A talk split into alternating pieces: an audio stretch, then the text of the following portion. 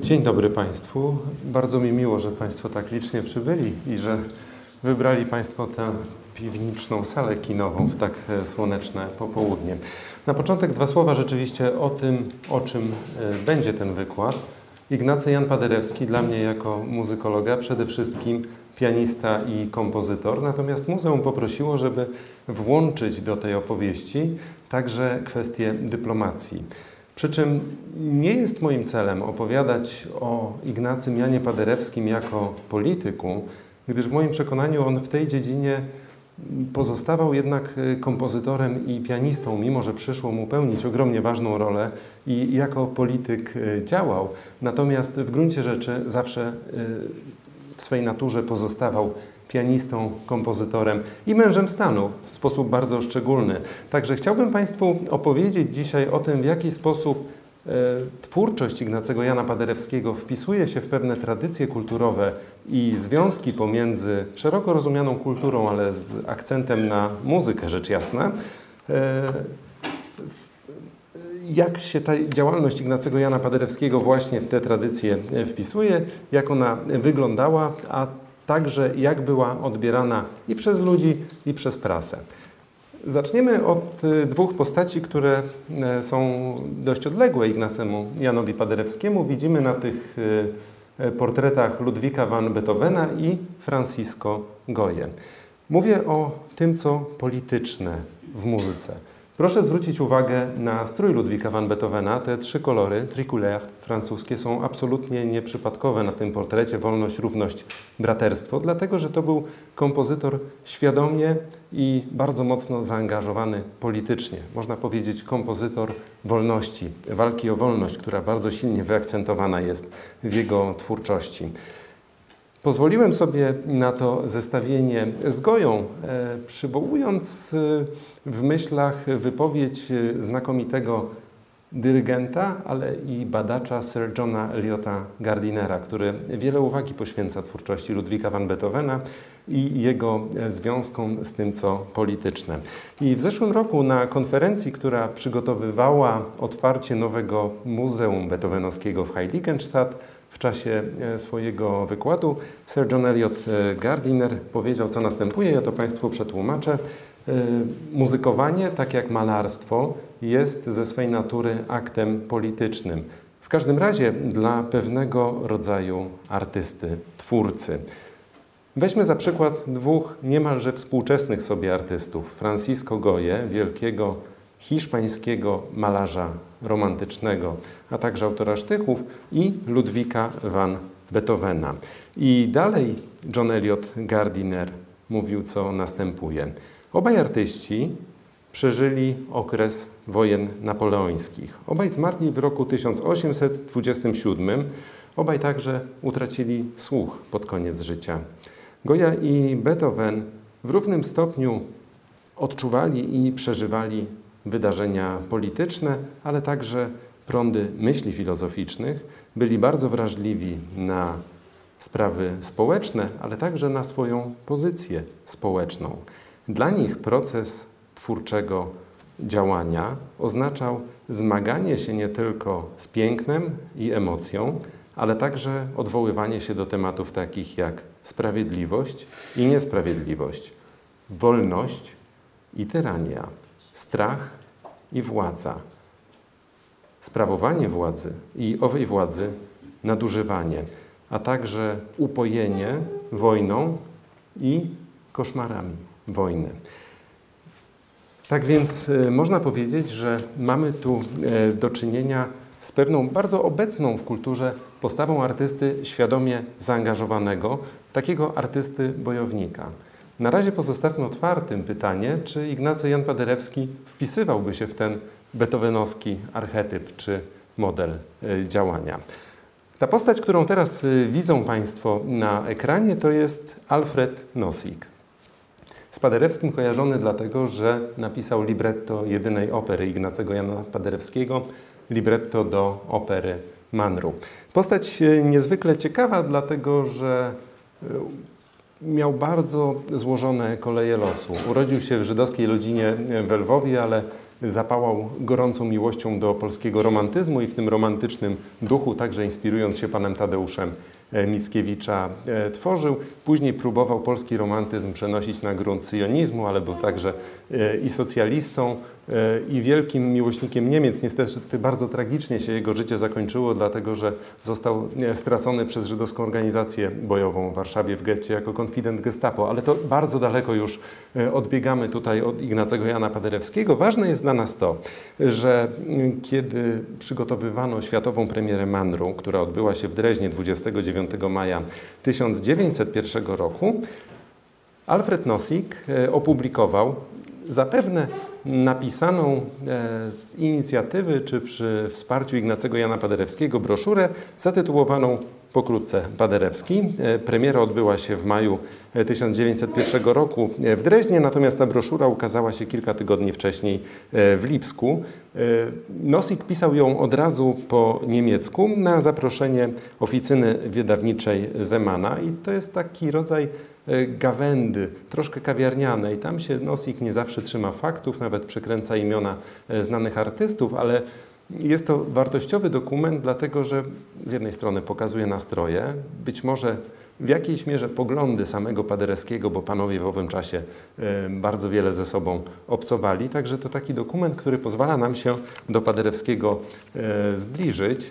I podkreślam to, żydowski literat, e, rzeźbiarz także, piękny, piękny medal wyrzeźbił i po piersie Paderewskiego. W języku niemieckim, w broszurze, która w oryginalnym wydaniu wyglądała tak, zaczyna swoją opowieść od następującego stwierdzenia. Die Kunst ist die Revanche Polens, czyli sztuka jest odwetem Polski.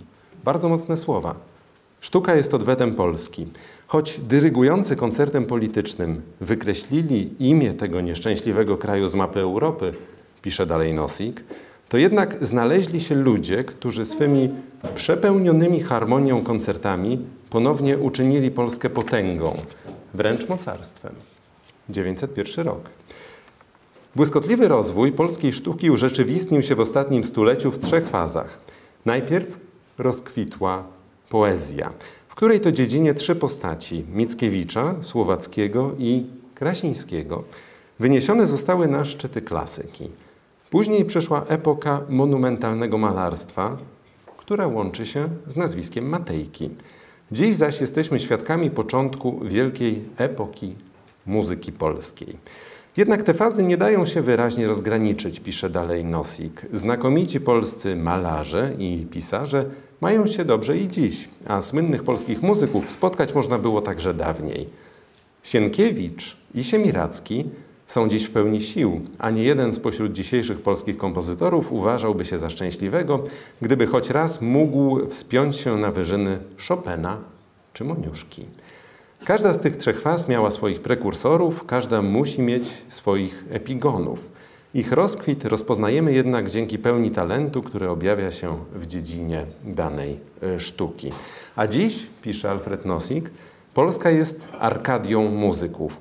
Tak niedawno przynajmniej napisano podczas londyńskiego sezonu koncertowego. W istocie Polska tworzy współcześnie muzyczny ul, którego roje zaludniają cały świat. Z Polski pochodzą najważniejsi śpiewacy operowi Reszkę, Mierzwiński, Sembrich Kochańska. Polska zaspokaja w całości zapotrzebowanie muzycznego świata na cudowne dzieci. Wymieńmy tylko Hoffmana, Koczalskiego, Hubermana, Argiewicza. Nieliczni wirtuozi, którzy dziś, w sytuacji wiadomego, powszechnego krachu muzyki, to jest 1901 rok, wiadomy, powszechny krach muzyki, obok sukcesów artystycznych osiągają także sukcesy materialne i artyści ci są Polakami. Gdzie znajdę dziś końcówkę ski? To troska wydawców muzycznych, od kiedy menuet Paderewskiego odniósł znany sukces.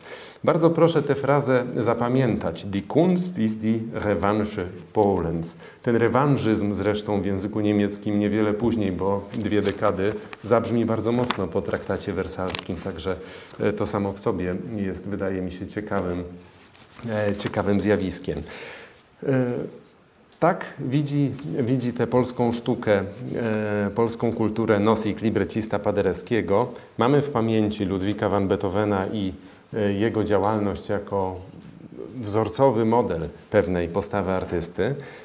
Wzorcowym modelem dla polskiej kultury i najważniejszym twórcą w dziedzinie muzyki jest bezsprzecznie Fryderyk Chopin. I tu oczywiście przypominają nam się e, słowa Roberta Schumana, że twórczość Fryderyka Chopina to są armaty ukryte w kwiatach. Że siła tej twórczości jest ogromna. Siła, która wyrażała się w bardzo intymnych okolicznościach, dlatego że Chopin nie lubił koncertować e, w dużych salach, w salach e, publicznych. Raczej był artystą, który wolał wypowiadać się e, w salonie, tak jak salon księcia Radziwiła, który tutaj na sztychu na podstawie obrazu Siemirackiego przygotowanym widzimy. I wydaje mi się, że tym wzorem dla Ignacego Jana Paderewskiego, jeśli popatrzeć na wątki obecne w kulturze XIX wieku, jest zdecydowanie Chopin, jego postawa, jego sposób istnienia w świecie i sposób funkcjonowania jego muzyki, która podbija Paryż jako coś ujmującego, ale jednocześnie egzotycznego, coś, co jest dźwiękowym obrazem tego mało znanego, fascynującego kraju, jakim dla Paryżan E, jest w pierwszej połowie XIX wieku e, Polska. Także ja sądzę, że wzorem dla Paderewskiego, e, czy też tym, który wyznacza jego drogę, jest zdecydowanie właśnie Fryderyk E, Chopin.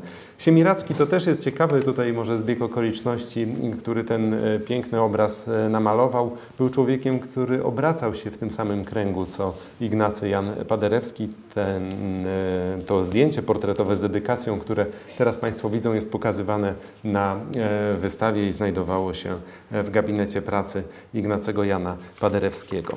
Tych wzorów dla Paderewskiego postawy artystycznej, ale i politycznej będzie oczywiście więcej.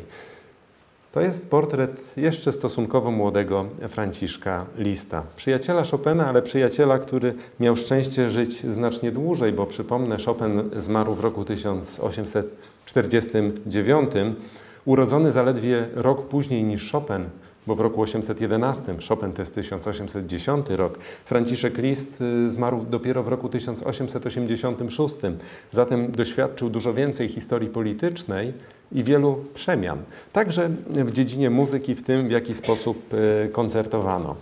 Franciszek List jest uważany i wydaje mi się słusznie za tego, kto stworzył formę, czy udoskonalił formę recitalu fortepianowego. Uważa się, że to on przestawił instrument, dlatego że e, wcześniej przed listem pianista siedział tyłem do publiczności, natomiast to list postawił fortepian bokiem, wcale nie ze względów akustycznych, tylko dlatego, że chciałby jego boski profil był lepiej widoczny dla e, publiczności. Tak przynajmniej wyczytać można e, w kilku monografiach poświęconych twórczości tego, tego artysty, który właściwie czasowo jest y, już w pewnej mierze bliski Paderewskiemu, dlatego że Paderewski rodzi się w roku 1860, e, list umiera e, w 86, e, to znaczy wtedy, kiedy Paderewski ma lat 26.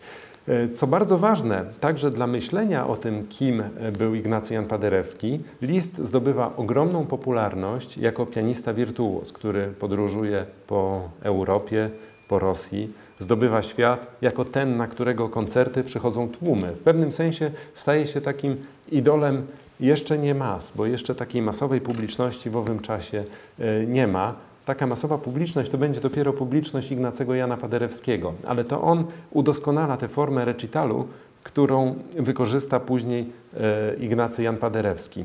Ale list także e, w pewnej mierze działa politycznie, chociaż nie zupełnie z własnej inicjatywy. Jego języki to niemiecki i francuski, natomiast y, jest kompozytorem węgierskim, chociaż niespecjalnie cytuje węgierski folklor, raczej muzykę y, cygańską.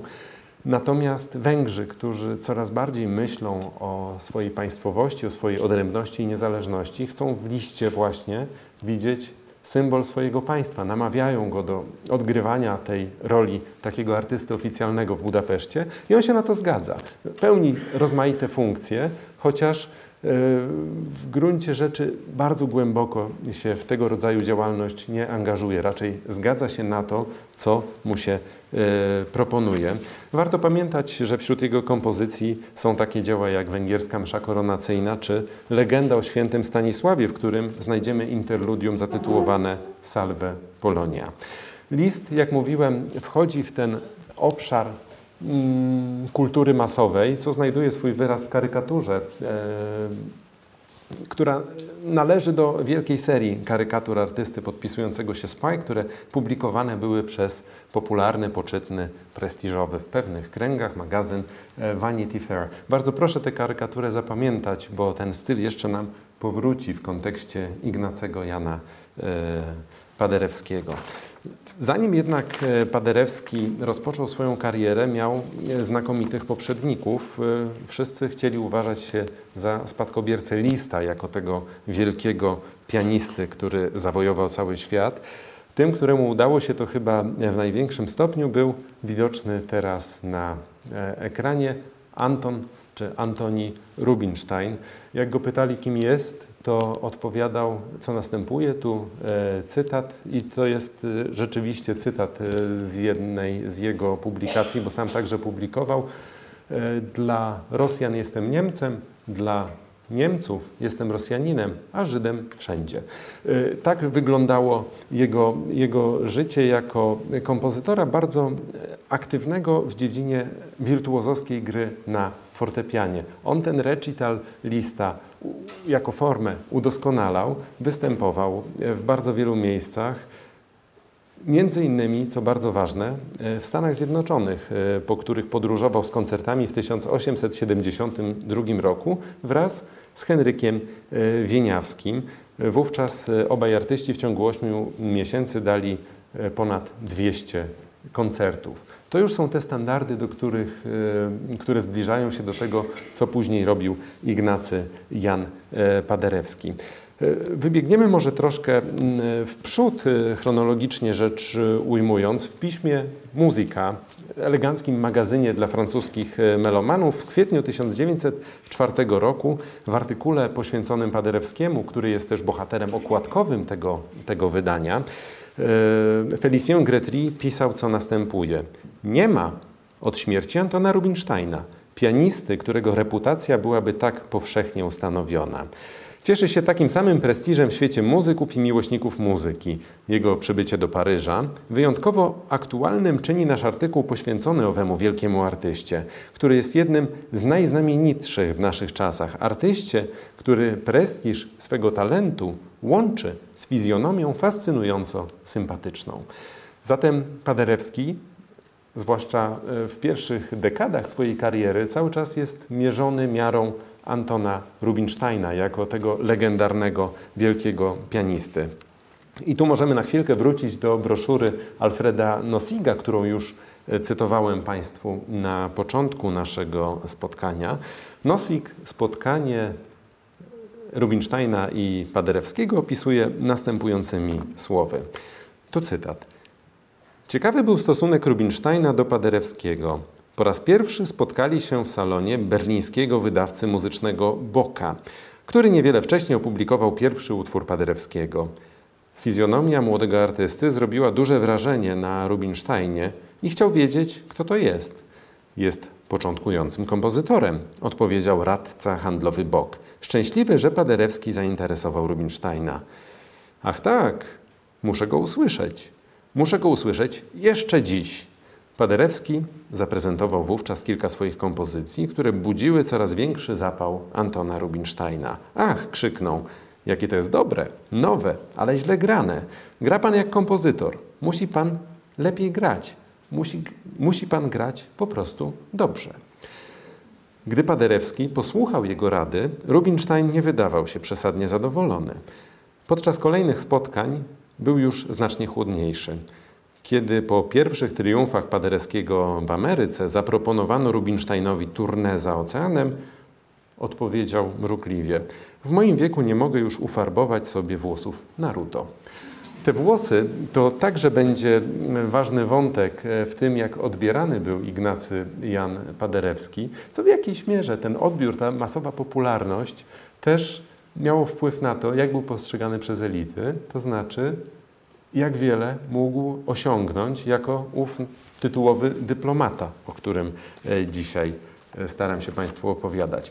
Tu kolejna postać, e, myślę, że mm, rozpoznawalna tylko dla fachowców, to jest William Mason. Pianista, kompozytor i właściwie jedyny amerykański uczeń Franciszka Lista. To jest artysta, który długo zabiegał o to, żeby się u Lista uczyć. W końcu mu się to udało. I to jest y, artysta, który chlubił się tym, że szereg utworów Fryderyka Chopina jako pierwszy wykonał w Ameryce, podobnie szereg utworów e, Franciszka Lista, to on zaszczepiał na amerykańskim gruncie kulturę kochania fortepianu. Także to jest też dla Paderewskiego bardzo ważne.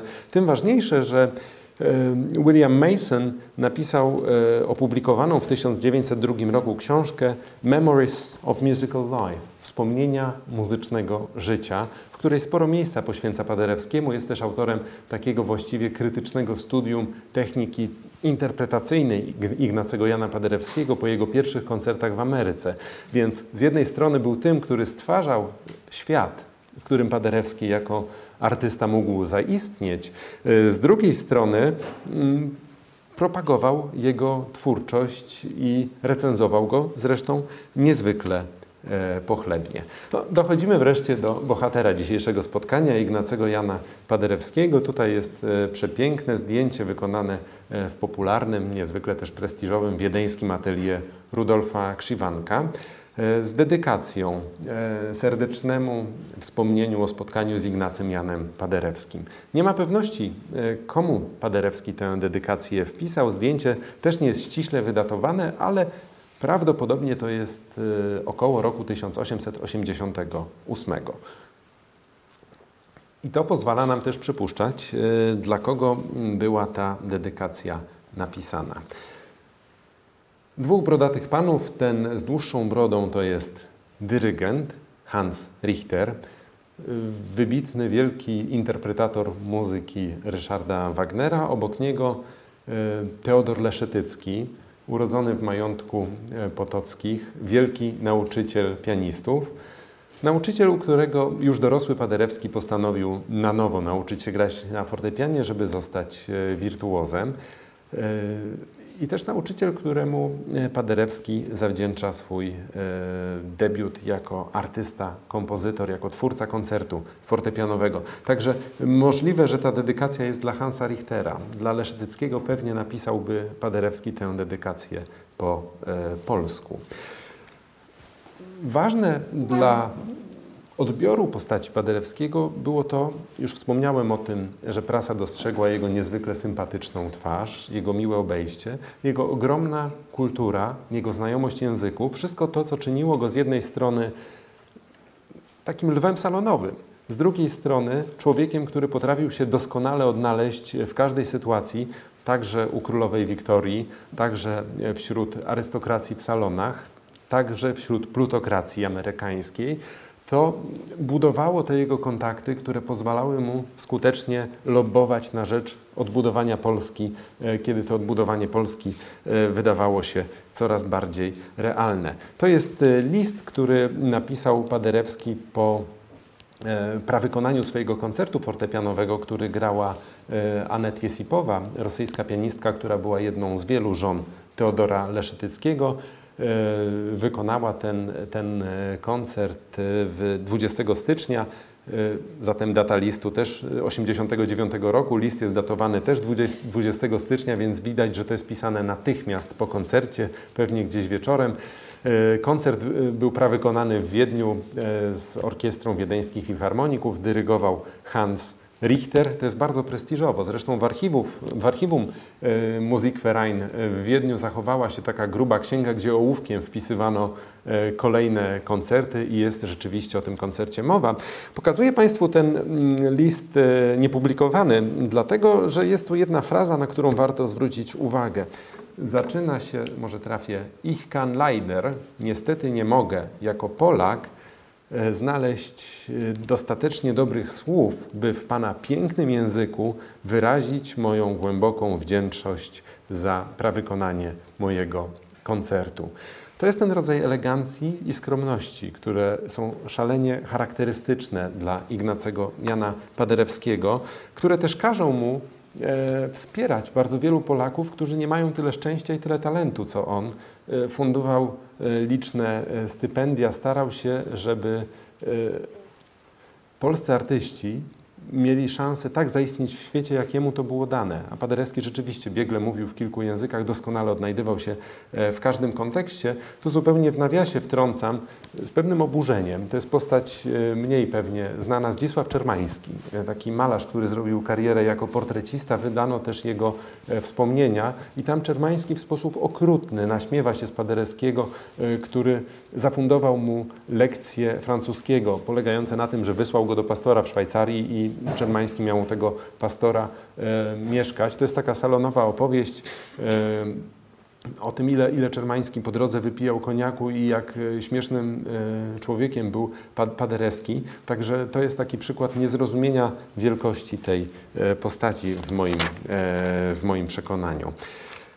E, przechodzimy teraz pokrótce do kariery samego Ignacego Jana Paderewskiego, która potoczyła się rzeczywiście bardzo szybko, kiedy już jako artysta był gotowy. Jeśli popatrzeć na jego e, kolejne ważne debiuty, to mamy 3 marca 1888 roku w Salle Erard w Paryżu, ten jego sensacyjny e, debiut, przed którym odbyło się szereg spotkań i szereg koncertów w salonach. Paryż taki był, że jak ktoś podbił salony, to z tych salonów szła informacja, że to jest ciekawy, wartościowy artysta. Ale też w tych salonach Paderewski nauczył się być w wielkim świecie, co będzie mu później w trakcie e, rokowań wersalskich szalenie potrzebne. Kolejny koncert już przeze mnie wspomniany 20 stycznia 1989 roku to jest prawykonanie koncertu fortepianowego przez Anet Jesipową w Wiedniu. No i później kolejna wielka muzyczna stolica do podbicia, czyli Londyn. I tam odbywa się pierwszy recital Paderewskiego 9 maja 1890 roku. Frekwencja jest nie za dobra, e, recepcja prasowa też nie za dobra. Wszystko wynikało z błędu agenta, który e, reklamował w Londynie koncert Paderewskiego jako występ Lwa Paryża. I to Londyńczyków szalenie rozbawiło, uznali to za rodzaj e, impertynencji. Udało się na szczęście Paderewskiemu swoją grą Londyńczyków e, przekonać i podbić, także Lew Paryża został także lwem Londynu, chociaż tego tytułu nigdy mu prasa już e, nie przyznała. No i wreszcie podbicie Nowego Jorku. Ten pierwszy recital Paderewskiego odbywa się 17 listopada w Music Hall. Dzisiaj ta sala nazywa się oczywiście e, inaczej. To jest rok 1891 i wówczas zaczyna się e, wielkie tournée po Ameryce zorganizowane przez Markę Steinway.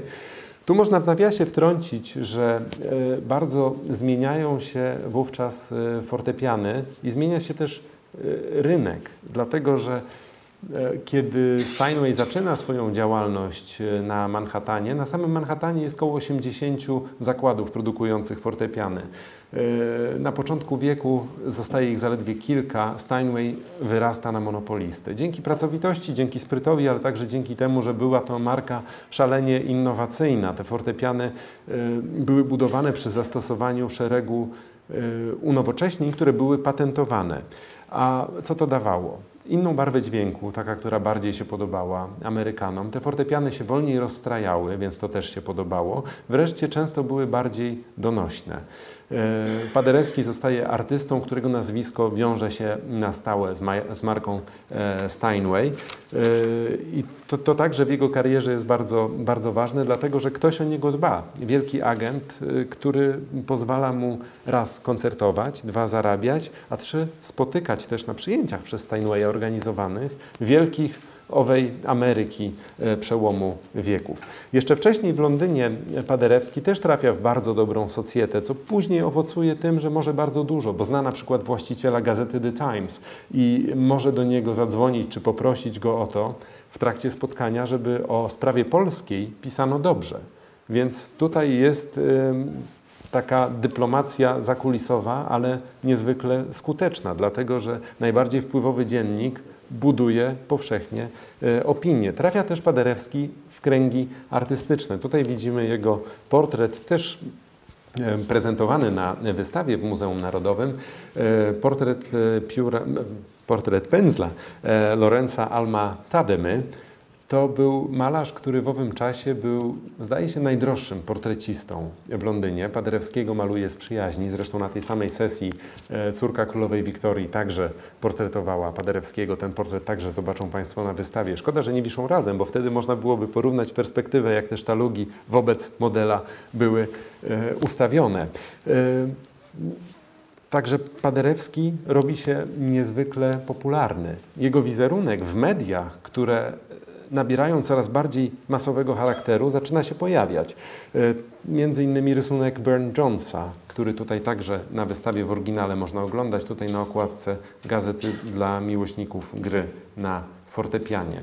Paderewski doskonale umie skorzystać e, z tego, jakie nowoczesne narzędzia daje, narzędzia komunikacyjne są do jego dyspozycji. Fotografuje się w dobrych atelier i tych pięknych zdjęć e, ma e, dosyć dużo, wręcza je z dedykacjami rozmaitym postaciom, co zjednuje mu przyjaciół i kiedyś pozwoli e, przekonywać ich, żeby włączyli się do działania na rzecz Polski. Najbardziej taką chyba żarliwą i oddaną mu osobą była córka Lorenza Almatademy, także Lorenz, Laurencja. E, jej zdjęcie zobaczą Państwo na e, wystawie.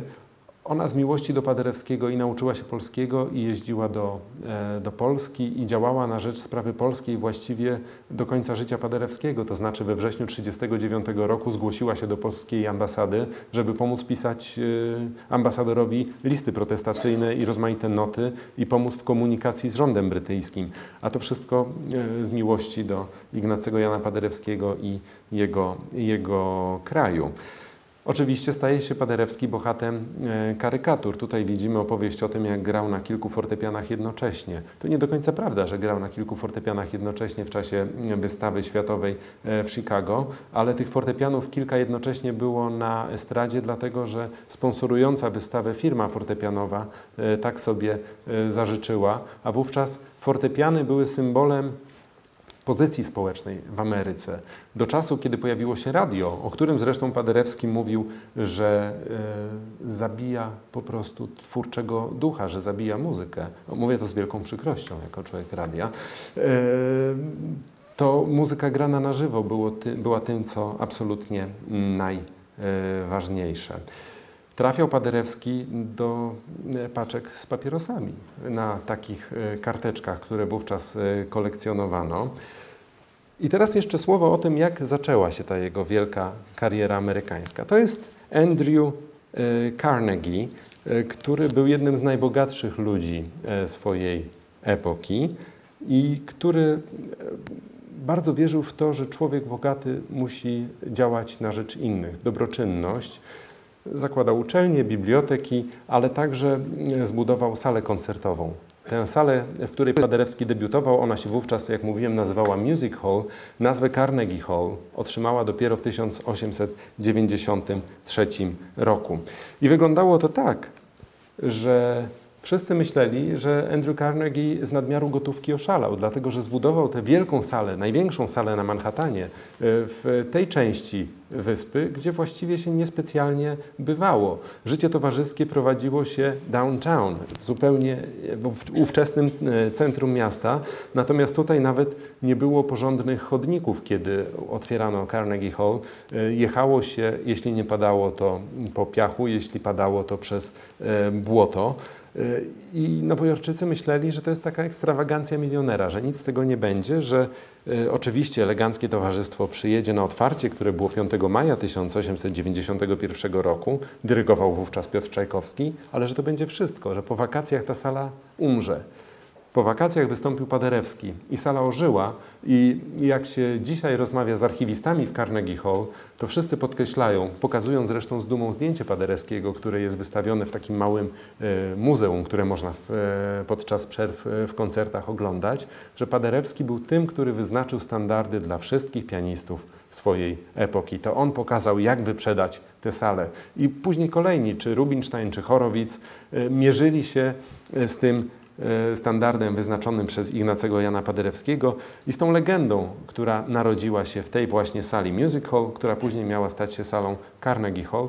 Zresztą uważa się, że wcale akustyka nie jest tam tak dobra, jak głosi legenda. Inny wielki polski artysta związany z tą salą, Artur Rodziński, który był szefem e, Nowojorskiej Filharmonii, która wówczas się E, która wówczas e, odbywała próby w tej sali, e, wieszał rozmaite kotary, poprawiał akustykę, podobnie później Leonard Bernstein, także ta legenda jest troszkę przesadzona. Natomiast proszę zobaczyć, w jakim świecie zaczyna się ta kariera Paderewskiego. To jest dziennik z epoki i opowieść o tym, jak bogactwo i piękno spotykają się, żeby posłuchać wielkiego pianisty, Ignacego Jana Paderewskiego. Tu nie ma recenzji i nie ma artykułu.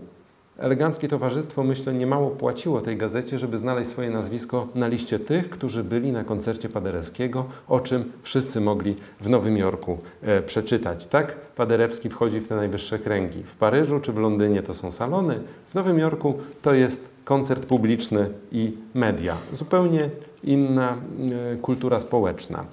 Paderewski także staje się masowym artystą dzięki temu, że korzysta z dostępnej wówczas technologii e, nagraniowej, rolek pianolowych. Taka rolka też jest na wystawie widoczna. E, funkcjonowało to tak, że specjalnie zbudowany, bardzo wyrafinowany mechanizm nakładało się na fortepian. Steinway sprzedawał też egzemplarze od razu e, z tym mechanizmem. I do tego wkładało się rolkę perforowanego papieru. Po uruchomieniu fortepian grał to, co pianista zarejestrował na tej rolce, ale już bez udziału pianisty, więc to było mechaniczne odtwarzanie muzyki fortepianowej na fortepianie, wcześniej nagrane przez pianistę i to było coś niezwykle popularnego. Znowuż, kiedy pojawiło się radio, e, pozbyto się e, i tych mechanizmów, i bardzo wielu fortepianów. Także, także gdzieś w późnych latach dwudziestych podobno w Nowym Jorku można było fortepian kupić niezwykle tanio. Podobnie zresztą obrazy Alma Tademy. On, kiedy po I wojnie światowej wyszedł z mody, podobno jego wielkie, piękne płótna sprzedawane były za cenę ramy. Żeby tę legendę jeszcze mm, Paderewskiego uzupełnić, przypomnę tylko Państwu, że jego opera Manru, poza tym, że podbiła e, Drezno, że podbiła Lwów, jest także jedynym do dzisiaj wykonanym e, polskim e, dziełem operowym na deskach Metropolitan Opera. I to także znalazło swoje odzwierciedlenie w prasie ze zdjęciem Marceliny Sembrich-Kochańskiej, która śpiewała Ulanę, ale to pokazywało, że to jest taki w pełni zrealizowany kompozytor, dlatego że mit zbudowany znowuż przez Wagnera o tym, jaki powinien być twórca, i ten mit był bardzo rozpowszechniony, mówił o tym, że kompozytor musi jeszcze napisać operę, żeby być w pełni zrealizowanym twórcą. Zresztą Chopina też namawiano, z Mickiewiczem włącznie, ale się nie zdecydował. I, i myślę, że, że, że, że, dobrze, że pozostał tylko mistrzem muzyki fortepianowej. Jeszcze kilka ciekawostek. Paderewski, co później było przypominane, kiedy już działał jako dyplomata, postrzegany był jako artysta. To jest, pamiętajcie Państwo, czas, kiedy e, odbywają się powszechnie seanse spirytysty, spirytystyczne, a Paderewski był postrzegany jako ktoś, kto może hipnotyzować masy samą grą na fortepianie. Także widzą Państwo tutaj Mesmera, który z zapleców Paderewskiego niczym duch dotyka klawiatury, wydobywając to, co nadprzyrodzone, magiczne i hipnotyzujące. I o tym hipnotyzowaniu publiczności też była, e, była mowa E, kiedy już Paderewski został, e, został bardziej dyplomatą niż pianistą. Mówiłem o tym, że jego włosy odgrywały pewną e, rolę. Wykorzystał to komercyjnie, bo występował w reklamach szamponów, ale także zastanawiano się. Tutaj czytamy o tym, czy muzyka sprawia, że włosy rosną i cały artykuł jest o tym, że jak ktoś ma w sobie wewnętrzną harmonię, którą zawdzięcza temu, że gra na fortepianie harmonijną muzykę, to włosów nie traci. Zostawiam to bez, bez komentarza. Przechodząc do tej e, faktycznie dyplomatycznej działalności artysty, ale nie mam tu na myśli działalności stricte politycznej za stołem negocjacyjnym, raczej rodzaj polityki historycznej i kulturalnej, którą z własnej kieszeni Paderewski e, finansował. E, widzimy na zdjęciu e, scenę z odsłonięcia pomnika grunwaldzkiego w Krakowie, zbudowanego, jak Paderewski kazał napisać na cokole, praojcom na chwałę, braciom na otuchę.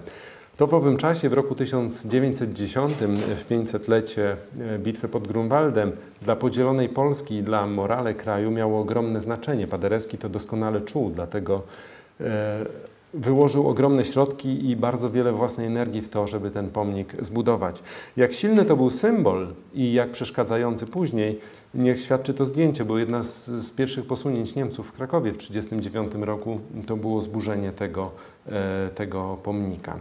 Ten rok 1910 dla Paderewskiego dyplomaty kulturalnego jest e, niezwykle ważny, dlatego że obok odsłonięcia pomnika grunwaldzkiego Paderewski także angażuje się w obchody stulecia urodzin Fryderyka Chopina w Lwowie.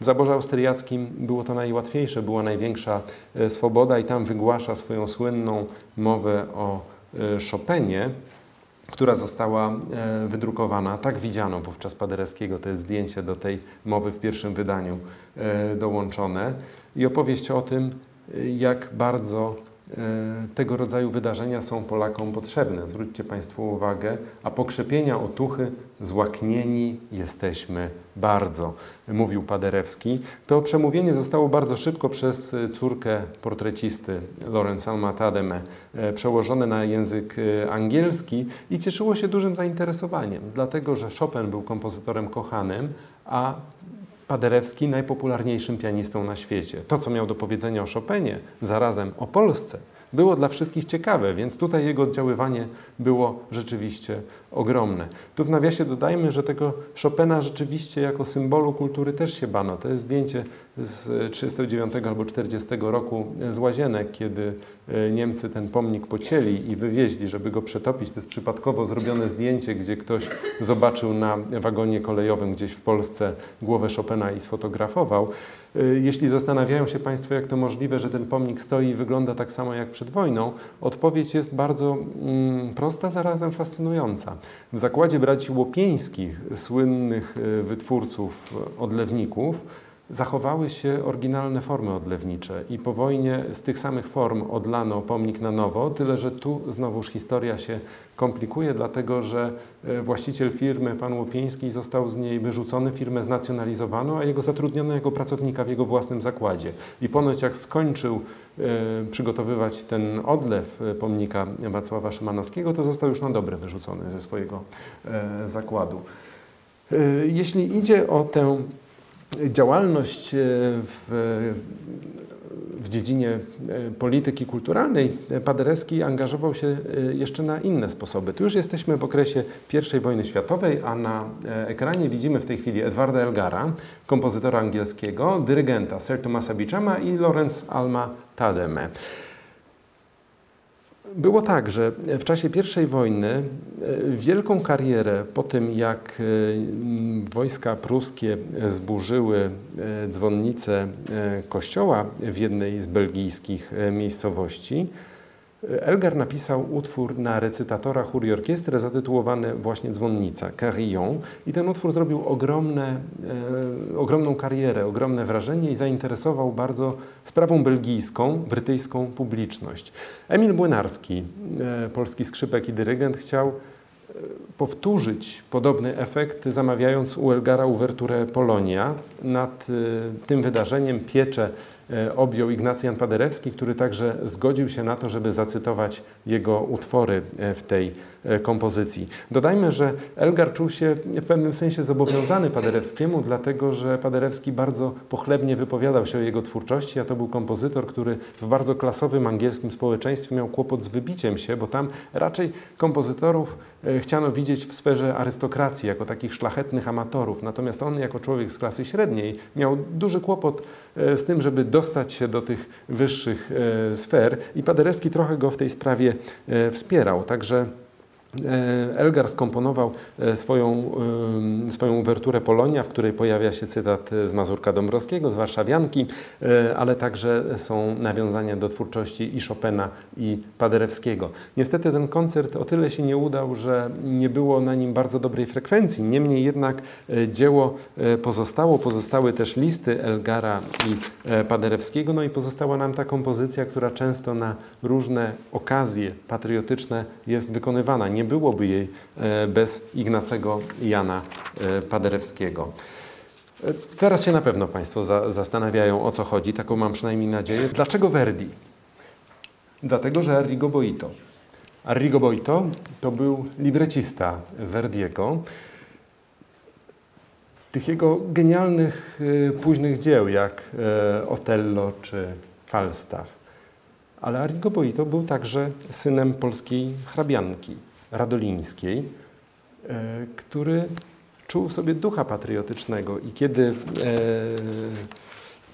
no, i kiedy trwała I wojna światowa, chciał coś dla Polski zrobić jako człowiek o polskich korzeniach i napisał do Ignacego Jana Paderewskiego list, którego niestety nie mogę Państwu pokazać, bo on znajduje się e, w archiwum prywatnym i jest zastrzeżony i pozwolono mi tylko go e, ręcznie e, odpisać. W związku z tym pozwolę sobie fragmenty tego listu teraz Państwu zacytować, bo wydaje się rzeczywiście czymś niezwykle interesującym. A pisał Boito do Giuseppe Verdiego, może przepraszam, rozproszyłem się, do Ignacego Jana Paderewskiego 3 marca 1915 roku z Via Principe Amadeo w Mediolanie, co następuje. Drogi panie Paderewski, istnieje tu u nas e, w Mediolanie Komitet Propagowania e, Jedności i Autonomii Polski. Ten komitet, którego jestem członkiem, zaczął już e, swoją działalność i odwołuje się do szeregu ważnych osób, a także do pomocy prasy. Bardzo chcemy trwać w naszym postanowieniu czynienia rzeczy dobrych dla Polski i ukazywania naszej dla Polski e, sympatii. I w imieniu tego komitetu mam śmiałość zwrócić się do Pana e, z prośbą. Prosimy Pana, drogi Panie e, Paderewski, żeby przyjechał Pan do Mediolanu na końcu tego miesiąca i zagrał koncert dla Polski, pisze librecista Verdiego, w Teatro Alla Scala. Oczywiście cały dochód zostanie przekazany na rzecz Pana Komitetu pomocy ofiarom wojny e, w Polsce. E, mam jeszcze do Pana jedną prośbę. Moi koledzy wraz ze mną życzyliby sobie bardzo, żeby przybył także z Panem autor Quo Vadis. Czy byłoby to możliwe? Henryk Sienkiewicz jest bardzo popularny i z pewnością jego przyjazd byłby sensacją. Sienkiewicz już wówczas e, zbliżał się do śmierci, zmarł w roku 1916.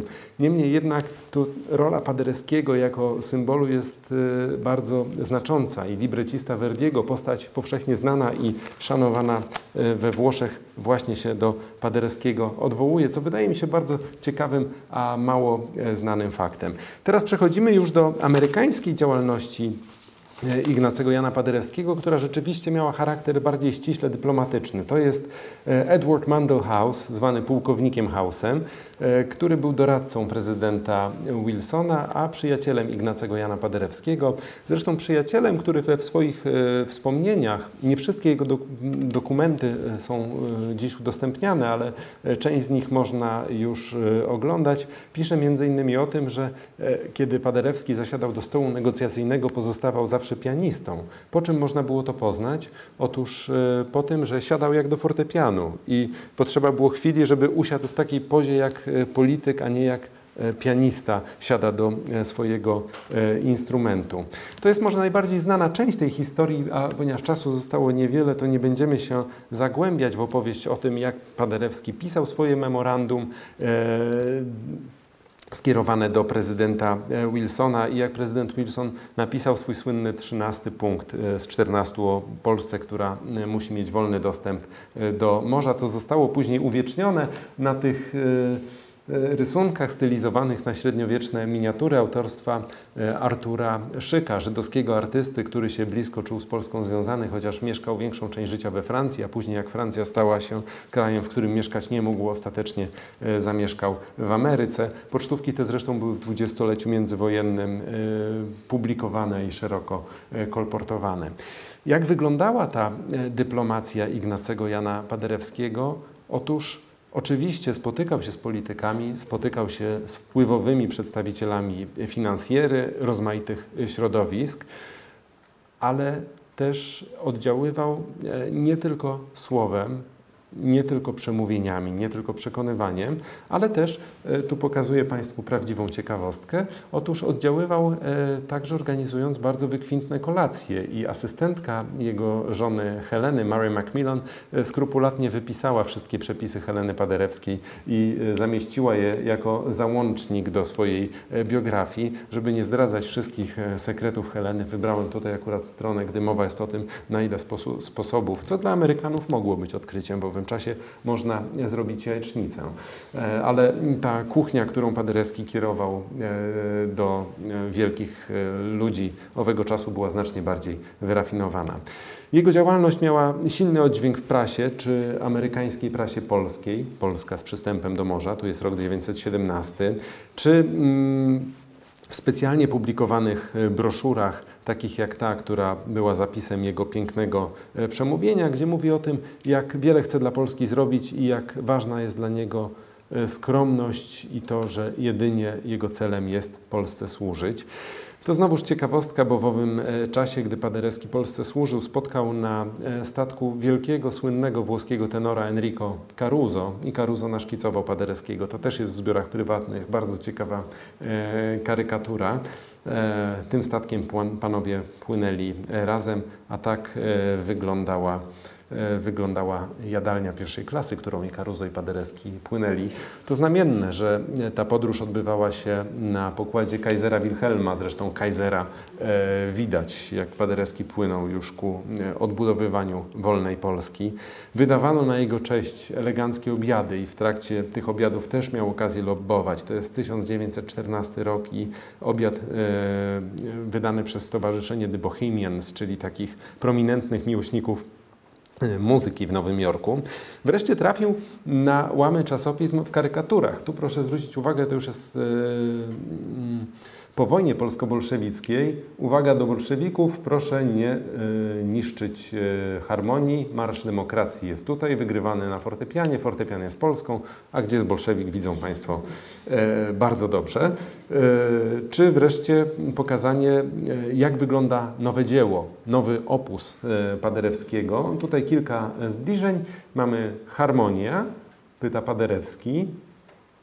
Czy fortepian z napisem Polska odpowie na jego dotyk, tutaj e, już e, pokazuje, że także stopy nie chcą e, stać w miejscu i tak wygląda polski Marsz do Wolności wygrywany przez Paderewskiego na fortepianie. Te karykatury bardzo mocno pokazują oddźwięk, jaki w społeczeństwie, bo to są popularne gazety, budził Paderewski. Z jednej strony karykatury, z drugiej strony pokazywany na okładkach najważniejszych dzienników mąż stanu. I ta jego cecha, to jego bycie w salonach, języki, elegancja, ogromna wytworność odgrywają ogromną rolę. Tutaj e, mamy Paderewskiego e, w kolejnym stroju e, właśnie tym eleganckim, dyplomatycznym w cylindrze. Jego przyjmowano jak swojego. Był kimś, kogo znano, kto mówił tym samym językiem, co E, wielcy owego świata. Więc to bardzo ułatwiało mu e, działanie e, także zakulisowe w trakcie Kongresu Wersalskiego. W prasie można znaleźć bardzo wiele wzmianek o tym, jak wiele różnych trudnych spraw miał do załatwienia. Zresztą, kiedy negocjował z przedstawicielami środowisk żydowskich z Ameryki, pomagał i konsultował to Alfred Nosik, ten od sztuki, która jest, e, czy kultury, która jest rewanżem e, Polski, o którym mówiłem na początku.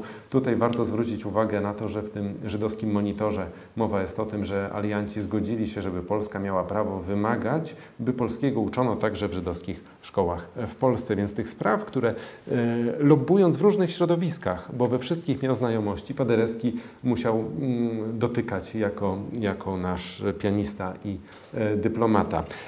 Później trafił na okładki, to już jest po kongresie wersalskim i po tym, jak właściwie Paderewski Polskę opuścił. Le Petit Journal i mamy tutaj wielkiego wirtuoza, który gra w koncercie europejskim. Gra, ale i przemawia, bo to jest kompozytor, który jest wirtuozem podwójnym. L'orateur du clavier, czyli orator, mówca fortepianu.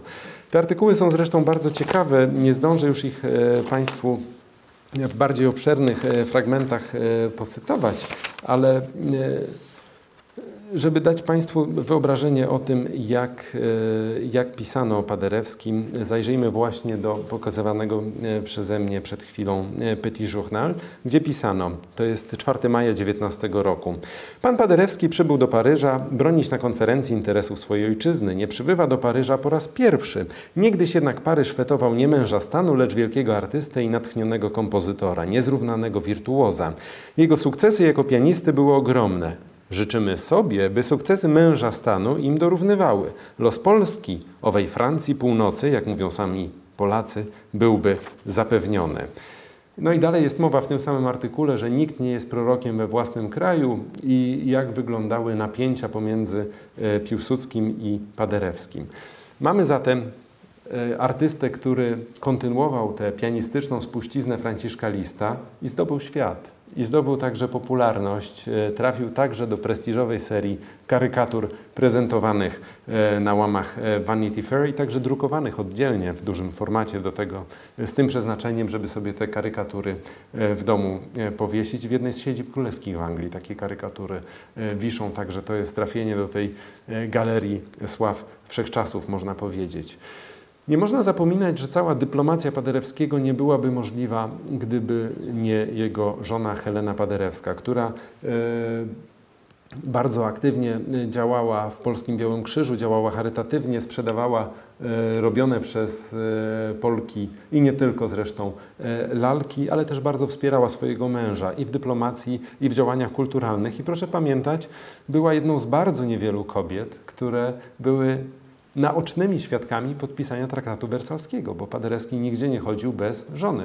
Y, także to jest rzecz godna odnotowania, zwłaszcza, że kiedy Paderewski premierował w, Polsce, w Polsce, bardzo, y, y, bardzo mm, często starano się w niego uderzyć, uderzając w żonę dlatego że to była najdroższa dla niego istota i często te złośliwości, czy salonowe, czy prasowe, kierowane były przeciwko Helenie, bo wiedziano, że to bardziej Paderewskiego zaboli. I ja mam wrażenie, że wiele z takiej czarnej legendy, która nie bez udziału skamandrytów narodziła się na początku lat y, dwudziestych, y, trwa do dzisiaj, y, wydaje się, że niesprawiedliwie.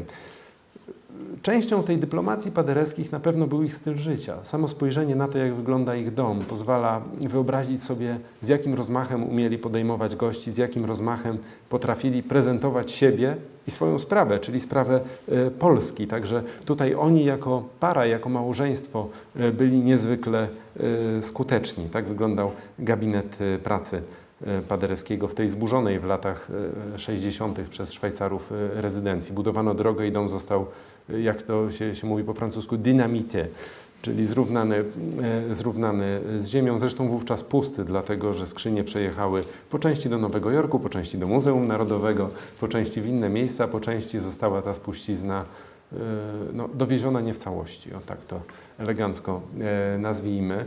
Można sobie wyobrażać, że ten przeskok ze świata, w którym przebywał właściwie od czasu swoich debiutów, czyli od początku lat 90., a nawet końca lat 80. XIX wieku, do wyniszczonej i głodnej e, powojennej Warszawy, nie był dla Paderewskiego łatwy. Też zupełnie inne postawy, doświadczenia i mentalności zderzyły się w kierownictwie państwa. Mówię o Piłsudskim i Paderewskim. Zresztą przytaczana jest przez kilku pamiętnikarzy taka anegdota o tym, jak Paderewski zawitał do Belwederu już e, jako premier i Piłsudski chciał uporządkować relacje między nimi, a w sali znajdował się fortepian i powiedział, może na początek by pan coś zagrał. Jak Państwo e, pamiętają, Paderewski słynął z refleksu i genialnej riposty. Odpowiedzieć, miał odpowiedzieć Piłsudskiemu doskonale, ale pod warunkiem, że Pan zatańczy. E, e, prasa na świecie dostrzegła to napięcie. Tu widzimy e, moment, jak jeszcze szykowane są wybory na prezydenta Polski. Proszę zwrócić uwagę, Ignacy Paderewski po lewej stronie i generał Piłsudski. Jeden polega na inteligencji, drugi odwołuje się do mas. E, jeśli mierzyć ich e, tym, kto więcej razy był na okładce Time'a, to wygrywa Paderewski, bo był dwa razy i oba razy w zasadzie jako mąż stanu, ale także pianista wirtuos. E, Piłsudski trafił na okładkę Time'a w czerwcu 26 roku po zamachu majowym.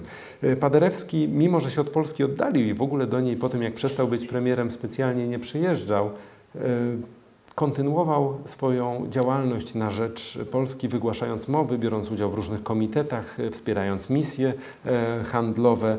Także mimo, że wrócił do pianistyki, pisała francuska prasa, że przeszedłszy galery polskiej polityki, przywdział ponownie płaszcz pielgrzyma wędrującego z muzyką po świecie, ale ten pielgrzym zawsze część tej polityki w sobie niósł. Tutaj jest akurat zapis jego mowy z 1932 roku z Nowego Jorku, gdzie na drugiej stronie bardzo szczegółowo e, wyjaśnia e, elicie finansowej Ameryki, e, jaki jest głęboki sens frazy słoń, a sprawa polska. I to podobno zrobiło rzeczywiście furorę. Pamięć o Paderewskim trwa w sposób szalenie ciekawy do dzisiaj. Tu pokazuję Państwu książkę wydaną w latach 80., napisaną przez francuskiego dziennikarza Erika Lipmana, Idol szalonych lat.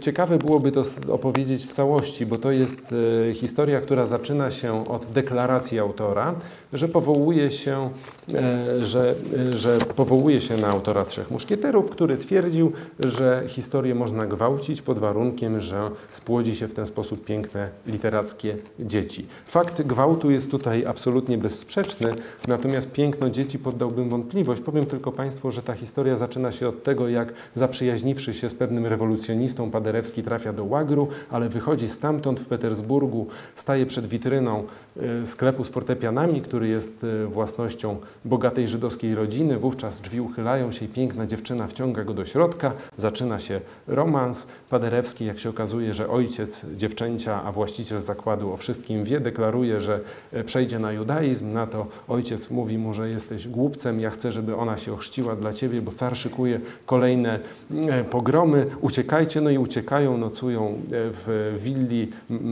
malarza ikon, który wypisuje im piękny, fałszywy certyfikat małżeństwa, z którym stawiają się u Heleny Modrzejewskiej, która jako kobieta modliszka ma ochotę pożreć Paderewskiego, ale ze względu na to, jak piękna jest ta mała Żydówka, postanawia jednak mu darować. I to jest tylko początek tej historii, proszę Państwa. Zbliżamy się, zbliżamy się do końca. Kolejna e, postać, o której nie było jeszcze okazji e, dwóch słów powiedzieć, to jest Ferdinand Bach. E, to jest stryjeczny wnuk samego Napoleona, chociaż nieślubny. Nazwisko oryginalne niemieckie brzmiało Bach. On był architektem czy projektantem ogrodów, ale także pisarzem i bardzo popularnym rysownikiem. Zachował się przepiękny, w zbiorach zresztą Muzeum Narodowego, rysunek przedstawiający Helenę Paderewską, i to jest, myślę, ta Helena, która robiła takie wrażenie, która była towarzyszką wielkiego pianisty, męża stanu i dyplomaty. E, nie ta Helena pokazywana później jako kobieta cierpiąca, ale ta, która olśniewała. Ferdinand Bach się przyjaźnił z Paderewskimi, e, bardzo się nimi e, fascynował, a że żył długo, miał jeszcze okazję wygłosić w radiu szwajcarskim pogadankę o Paderewskim. Już po jego śmierci pogadanka była wygłoszona w 1849 roku. Jest ona dla mnie w pewnym sensie inspiracją do dzisiejszego wykładu, dlatego że Paderewski widziany jest tutaj jako następca wielkiego Chopina, którego muzyka sprawiała, że Francuzi z ducha rewolucjoniści na widok cara odwiedzającego Paryż krzyczeli Vive la Pologne, vive la liberté, e, niech żyje Polska, niech żyje e, wolność. Natomiast kiedy polska delegacja stawiła się w Wersalu, olśniła Francję przepychem i brylantami. No to musiały być brylanty e, Paderewskiej. Także to jest taka opowieść e, niepublikowana, też pokazująca Paderewskiego jako postać niezwykłą. Pozwoliłem sobie jeszcze tutaj dołączyć e, zdjęcie Józefa Konrada, dlatego że można się zastanawiać, w jaki sposób popularny za granicą polski twórca chociaż angielski pisarz, mógł służyć ojczyźnie. Paderewski wybrał tę drogę służby, Konrad zdecydowanie wybrał drogę dystansu, więc tu możemy zobaczyć dwie zupełnie różne postawy artysty. Kiedy, kiedy Józefa Konrada y, pytano, dlaczego nie zdecydował się pisać po polsku, miał powiedzieć, że zbyt ceni piękną polską literaturę, żeby swoje e, opowieści czy swoje gadanie do niej włączać. Natomiast dla Anglików Moje skromne talenty są w zupełności wystarczające, a mnie pozwalają zarobić na życie, powiedział Konrad. Także to jest zupełnie inna postawa. Paderewski pianista koncertował do końca. Paderewski, dyplomata, także do końca działał. Listy pisał jeszcze przed wyjazdem do Ameryki, e, w, broniąc Polski po wybuchu II wojny światowej. E, z Rią Bosson wygłosił słynne przemówienie w Radiu Lozańskim, którego e, w Muzeum Paderewskiego w Lozannie można, można posłuchać. E, działał jak mógł, podobnie zresztą jak wierna mu Lorenz Alma e, Tadema. Później pojechał do Ameryki, gdzie też odbył się jego pogrzeb. To jest ta największa świątynia przy Piątej Alei, katedra świętego Patryka na Manhattanie i zdjęcie ukazujące pogrzeb wielkiego pianisty i patrioty. Ale żeby pogrzebem nie kończyć, jeśli Państwo pozwolą, to ja jeszcze na zakończenie chciałbym E, zacytować e, jedną e, biografię Ignacego Jana Paderewskiego. Ukazała się oryginalnie w Anglii po angielsku w 1934 roku. Po polsku rok później w przekładzie. I zwieńczeniem tej opowieści, napisanej przez urodzonego w Polsce Roma Landała, jest długie spotkanie z Paderewskim. Spotykają się w Morsz, gdzie kilka dni z rzędu Rom Landau odwiedza E, Paderewskiego. To są lata 30. 34 rok. E, wtedy się odbywa to spotkanie. I proszę posłuchać. Są w gabinecie Paderewskiego. Idąc do fortepianu zauważyłem książkę Mein Kampf Adolfa Hitlera, która leżała otwarta na małym stoliczku. Czy pan sądzi, że ruch taki jak nazizm niemiecki może nie wykroczyć poza granice jednego tylko kraju? spytałem. Paderewski zatrzymał się, wziął nowego papierosa, jakby przewidywał, że wyjaśnienie takiej kwestii potrwa dłużej i odpowiedział: Wątpię bardzo. Własne, własne moje tradycje, metody polityczne, wykształcenie, szacunek mój dla wolności jednostki jej przekonań, wszystko słowem wykazuje jasno, jakie jest moje stanowisko wobec wszelkich ruchów krańcowych, gdziekolwiek były i cokolwiek miały na celu. Lecz nie zdziwiłbym się, Gdyby tego rodzaju ruchy prędzej czy później rozpowszechniły się nawet w tak cywilizowanych krajach jak Anglia i Francja. Nędza i bezrobocie pozbawiają ludzi zdrowego rozsądku i orientacji. Najfantastyczniejsze obiecanki mogą skusić człowieka niewiedzącego, jak głód zaspokoić. Można skłonić niemi do wyznawania najdzikszych doktryn. Jeśli warunki życia na całym świecie nie poprawią się w ciągu paru najbliższych lat, wyobrażam sobie przerażający wzrost nacjonalizmu, a nawet rasizmu zarówno we Francji, jak i w Anglii. Dziś się to zdaje niemożliwe, ale w ostatnich latach wiele pozornie niemożliwych rzeczy stało się rzeczywistością. W trakcie tej rozmowy Rom Landau pyta też Ignacego Jana Paderewskiego, co sądzi o Mussolinim, którego zdjęcie stało nieopodal. Ale to już pozostawię Państwa dociekliwości. Dziękuję bardzo.